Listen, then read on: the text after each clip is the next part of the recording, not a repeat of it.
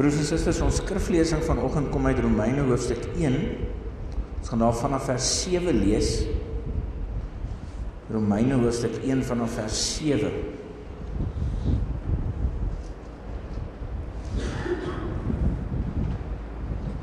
Aan almal in Rome vir wie God liefhet en wat hy geroep het om aan hom te behoort. Genade en vrede vir julle van God ons Vader in die Here Jesus Christus. Allereers dank ek my God deur Jesus Christus oor julle almal, want in die hele wêreld praat die mense oor julle geloof. God, wat ek met hart en siel dien deur die evangelie van sy seun te verkondig, is my getuie dat ek gedurig in my gebede aan julle dink. Ons lees dit net weer en dan kan u die Bybels daar oophou van vers 7 af. Aan almal in Rome vir wie God liefhet wat hy geroep het om aan hom te behoort. Genade en vrede vir julle van God ons Vader en die Here Jesus Christus. Allereers dank ek my God deur Jesus Christus oor julle almal. Want in die hele wêreld praat die mense oor julle geloof. God wat ek met hart en siel dien deur die evangelie van sy seun te verkondig is my getuie dat ek gedurig in my gebede aan julle dink. Broers en susters, Paulus se groet in die briewe wanneer hy skryf in die in die Nuwe Testament vir die gemeentes. Het het nogal 'n spesifieke manier van hoe hy groet en, en ek wil vir julle vra jy kan dit nogal gaan kyk in Bybelstudie daarin of in die stilte tyd. Neem die briewe van Paulus en gaan hulle so deur want dit is omtrent 2/3 van die van die Nuwe Testament is maar die briewe van Paulus. En kyk hoe groet hy die gemeentes. Hy het 'n baie spesifieke manier waar hy die gemeentes groet. En elkeen verskil so 'n bietjie. Baie is dieselfde. Deel van elkeen van die groet is baie dieselfde en dit sê van die passie wat hy het, van dit wat vir vir Paulus belangrik is. En dit wat vir hom na in die hart lê binne in die evangelie. Maar dan raak dit 'n bietjie meer persoonlik die groet en dit sê dan baie spesifiek iets van die gemeente vir wie hy skryf. En vir elkeen sê hy iets anders. Vir elkeen groet hy op 'n ander manier. Vir elkeen sê hy ek sê vir God op 'n ander manier dankie oor julle. En dis dis natuurlik ook hoe ons briewe geskryf het. Dis sê vir my ek het nie nie briewe geskryf nie. Dis het nogal briewe vir my geskryf en dit nou nie gaan posies in my gegee as ek kom kuier dit. Dit was toe al nie reeds meer 'n 'n gepossery. Maar onthou julle nog die die briefskrywer? En dit daar's mos 'n bietjie van 'n verskil as jy aanlê na iemand en of jy nou 'n brief skryf vir vir vir die inkomstebelasting mense. Nee, daar's miskien moet mense dieselfde doen, ek weet nie. Maar as jy mos nou aanlê, as dit nou 'n liefdesbrief is, dan is dit mos nou my my liefie en my duifie en my duitjie en my duitjie en my blommetjie en verstaan dit is net die woordjies wat die wat des nou vir my sê verstaan. Dan is dit nou nie eens 'n ander woorde maar miskien moet ons as jy vir vir inkomstebelastingdiens 'n brief skryf miskien moet ons so skryf. Daar kom ons verder ek weet nie. Ek wonder. En jy moet agterkom en gaan kyk. As Paulus sy briewe skryf dan begin hy dit ook so mooi so voordat hy begin beklei. So hy begin mooi en hy sê mooi goed vir hulle. Hy sê vir hulle wat is baie mooi en dan net so eentjie later dan begin hy beklei. En hy beklei baie spesifiek van elke gemeente. Hy sê julle dit en en so en hier by julle gaan dit en hy sê sommer hy noem sommer name. Hy point hulle so. Kan julle net dink hier kom die brief aan in die gemeente? En hulle het die brief en almal is opgewonde en dis maar nou in die weeksaand, die brief kom daar aan en hulle het elke aand het hulle na werk by mekaar gekom. Hulle het nie naweke gehad nie. Hulle het elke aand na werk by mekaar gekom. Daar was nie naweke in die in die Romeinse tyd nie. Daar was nie sulke goed nie. Konstantin het eers 300 jaar na Christus naweke ingestel. So daar was nie naweke nie. Daar niemand was bly oor 'n Vrydag gewees destyds nie. Dit was net ons werk. En so hulle het elke son, elke dag Na werk het hulle bymekaar gekom in die huise en hier het hulle 'n brief gekry van Paulus af. Baie opgewonde. En hulle lees die brief. En dan sommer in sommige van die briewe dan word die name gelees. Ek vermaan hierdie een en hierdie een en dan sit hulle nou nikkerig, nê, nee, het mekaar nie eens gegroet hulle ingekom het in die in die in die in die huis in die vermaan vir hierdie een en hierdie een op die naam dat hulle moet hulle dinge uitsorteer. Paulus as hy skryf, skryf hy baie spesifiek. Hy draai nie doekies om nie.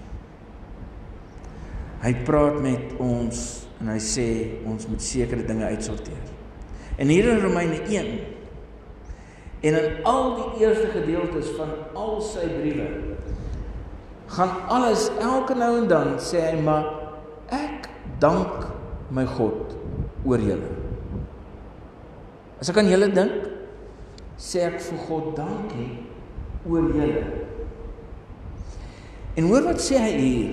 Sommige hier in in vers 8, Romeine 1 vers 8. Hy sê allereers dank ek my God deur Christus Jesus oor julle almal. So in die begin, voor ek nou dalk allerlei ander goeders gaan noem, wil ek vir God sê dankie oor julle. En dit kan nou vice versa ook wees. Dit behoort so te wees. Waarvoor sou jy vir God dankie sê oor die res van die mense in Koffiefontein gemeente? Waarvoor? Ons weet waaroor is ons ongelukkig, wat krap, wat is fout, wat pla, dit weet ons.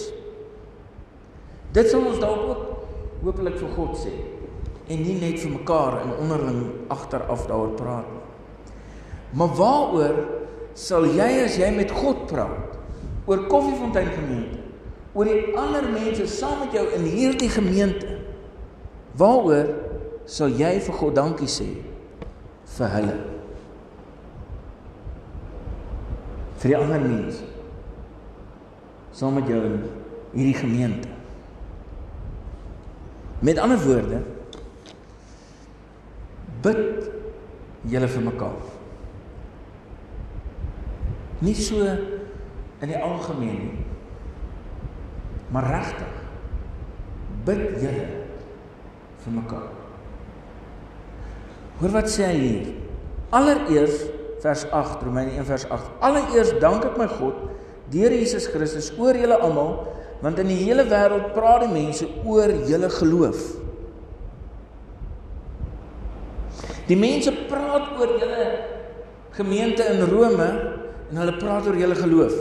In 1 Korintiërs 1 vers 4 sê hy die volgende: Ek dank my God altyd oor julle vir die genade wat hy in Christus Jesus aan julle geskenk het, want in hom het God julle in alles ryklik geseën, veral in die gawes van woord en kennis vir een vir die gemeente in Korinte skryf hy in die eerste brief wat hy vir hulle skryf sê ek dank God want veral vir die gawes wat julle het van van eh, van woord en die gawes van kennis. Anderste as in Rome. In Rome daar word gepraat oor die mense se geloof. In Efesiërs 1 vers 15 en 16 sê ek hou ook nie op om God vir julle te dank nie wanneer ek aan my gebede aan julle dink. Hy sê want ek het gehoor van julle geloof en julle liefde vir al die gelowiges. Vir Efese sê hy ek het gehoor van julle geloof en julle liefde. So sê hy vir elkeen. Nou wil ek vir julle vra, wat hoor julle onderling van mekaar hier in hierdie gemeente in Koffiefontein? Wat hoor ander mense van ons hier in hierdie gemeente in Koffiefontein? Wat hoor. Wat sien hulle? Wat ervaar hulle? Wat ervaar jy? As jy moet dankie sê vir God vir die ander mense in hierdie gemeente, wat sal jy vir God sê? Of sal dit wees soos wanneer ons sê, weet julle wat? Daar's nou niks meer salf aan te smeer aan die een en daai een en daai een nie. Al wat ons nou kan doen is bid vir hulle. Nou as mens dit sê, dan is dit nie eintlik wat mense wil doen nie, né? Nee, jy besef dit. Niemand wat wat sê al wat ons nou nog kan doen. Weet daar's daar's nou niks wat ons meer kan doen. Ons het nou alles probeer. Nou kan ons nou kan ons bid. Eintlik wil jy dan vir daai persoon in 'n donker steegie wegkruip en hom of haar met 'n graaf slaan. Ons wil nie dan meer bid vir iemand nie. As die laaste uitweg. Ek het nou alles gedoen. Niks meer kan aan hom of haar gedoen word. Nou kan ons net vir hulle bid. Dis nie die regte gesindheid nie. Dit gaan ons nêrens bring nie. Dis hoekom ons soms ervaar dat ons nêrens is nie.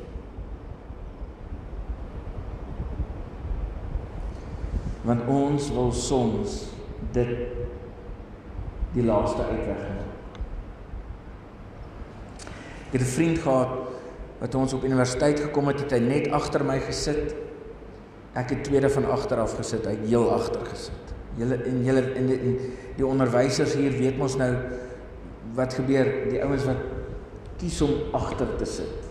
Dis dis dis die ouens wat die wat die klas ook laaste hoor, die die vak. Hulle hoor dit op heel laaste.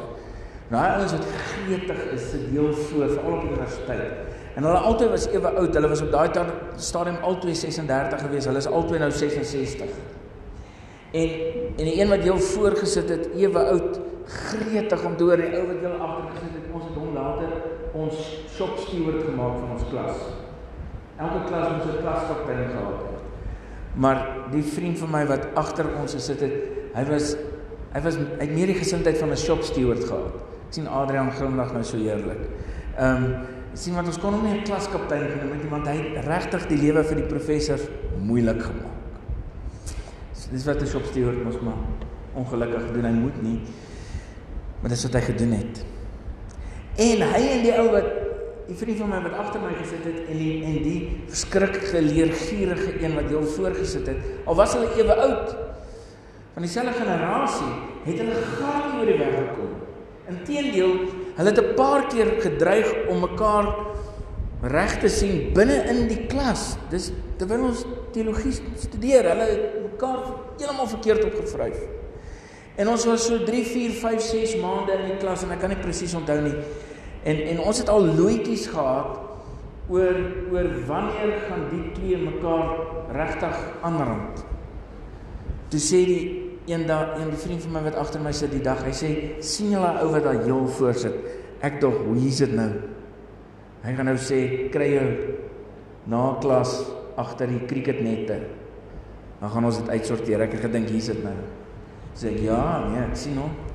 Dis sê julle sien daai ou daar, ek sê ja, nee, ek sien hom. Hy sê hy gaan my beste vriend word. Ons het dit nou nie verwag nie. Hy gaan my beste vriend word.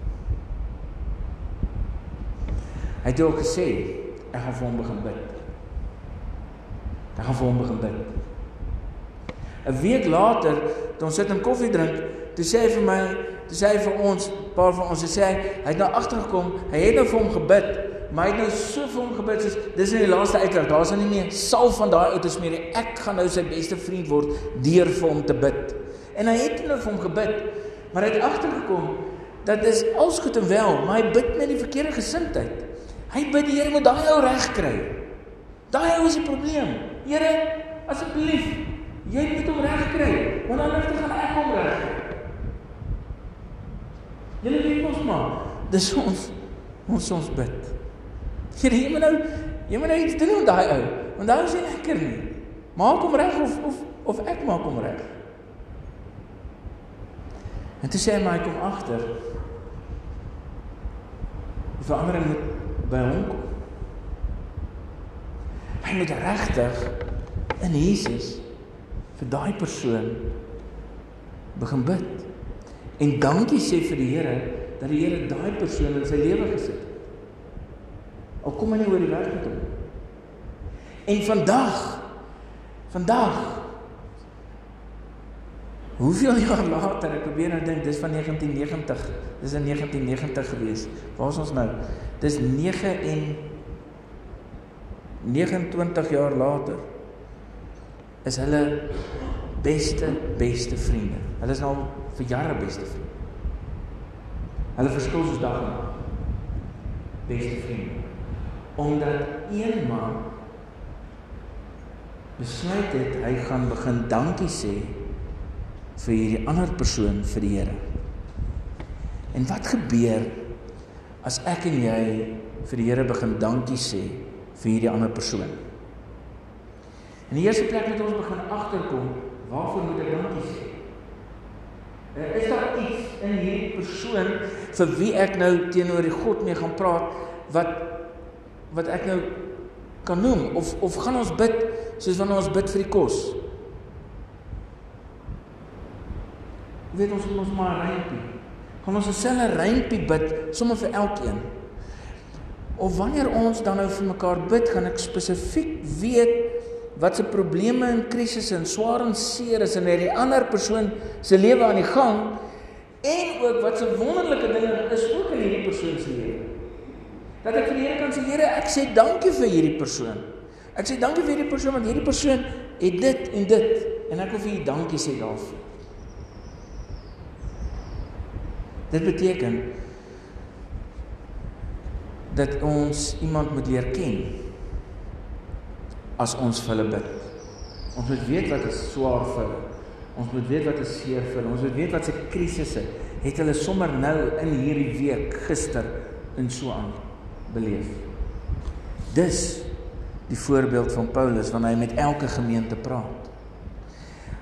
In Korintiërs, in Korintiërs 1 bid hy en hy sê want God het julle in alles ryklik geseën veral in die gawes van woord en kennis. En dan in 1 Korintiërs 13, 13 hoofstukke later, sê hy vir hulle, julle het die wonderlike gawes van woord en kennis. Maar as julle dit nie met liefde toepas nie, is dit niks. So dis als goed en wel dat julle hierdie wonderlike gawes het en ek dank God daarvoor, maar julle sien daar raas hy. Raas hy. Broers en susters, ons doen dit andersom. Ons wil eers raas voor ons met iemand 'n verhouding bou.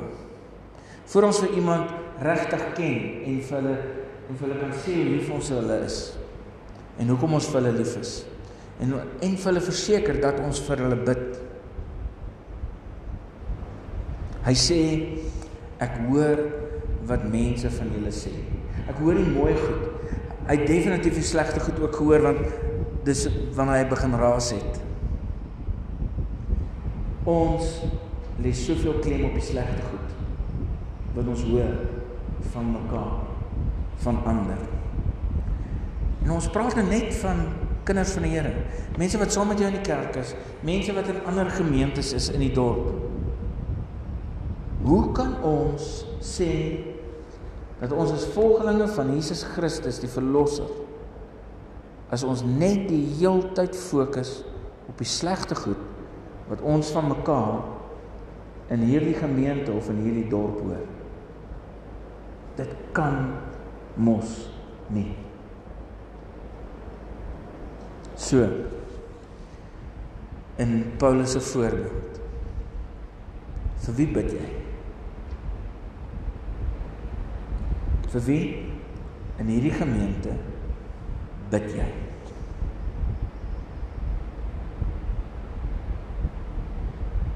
Maar ek wil jou los met die volgende. Vir wie in Koffiefontein gemeente bid jy nie? Vir wie in Koffiefontein gemeente bid jy nie? Amen.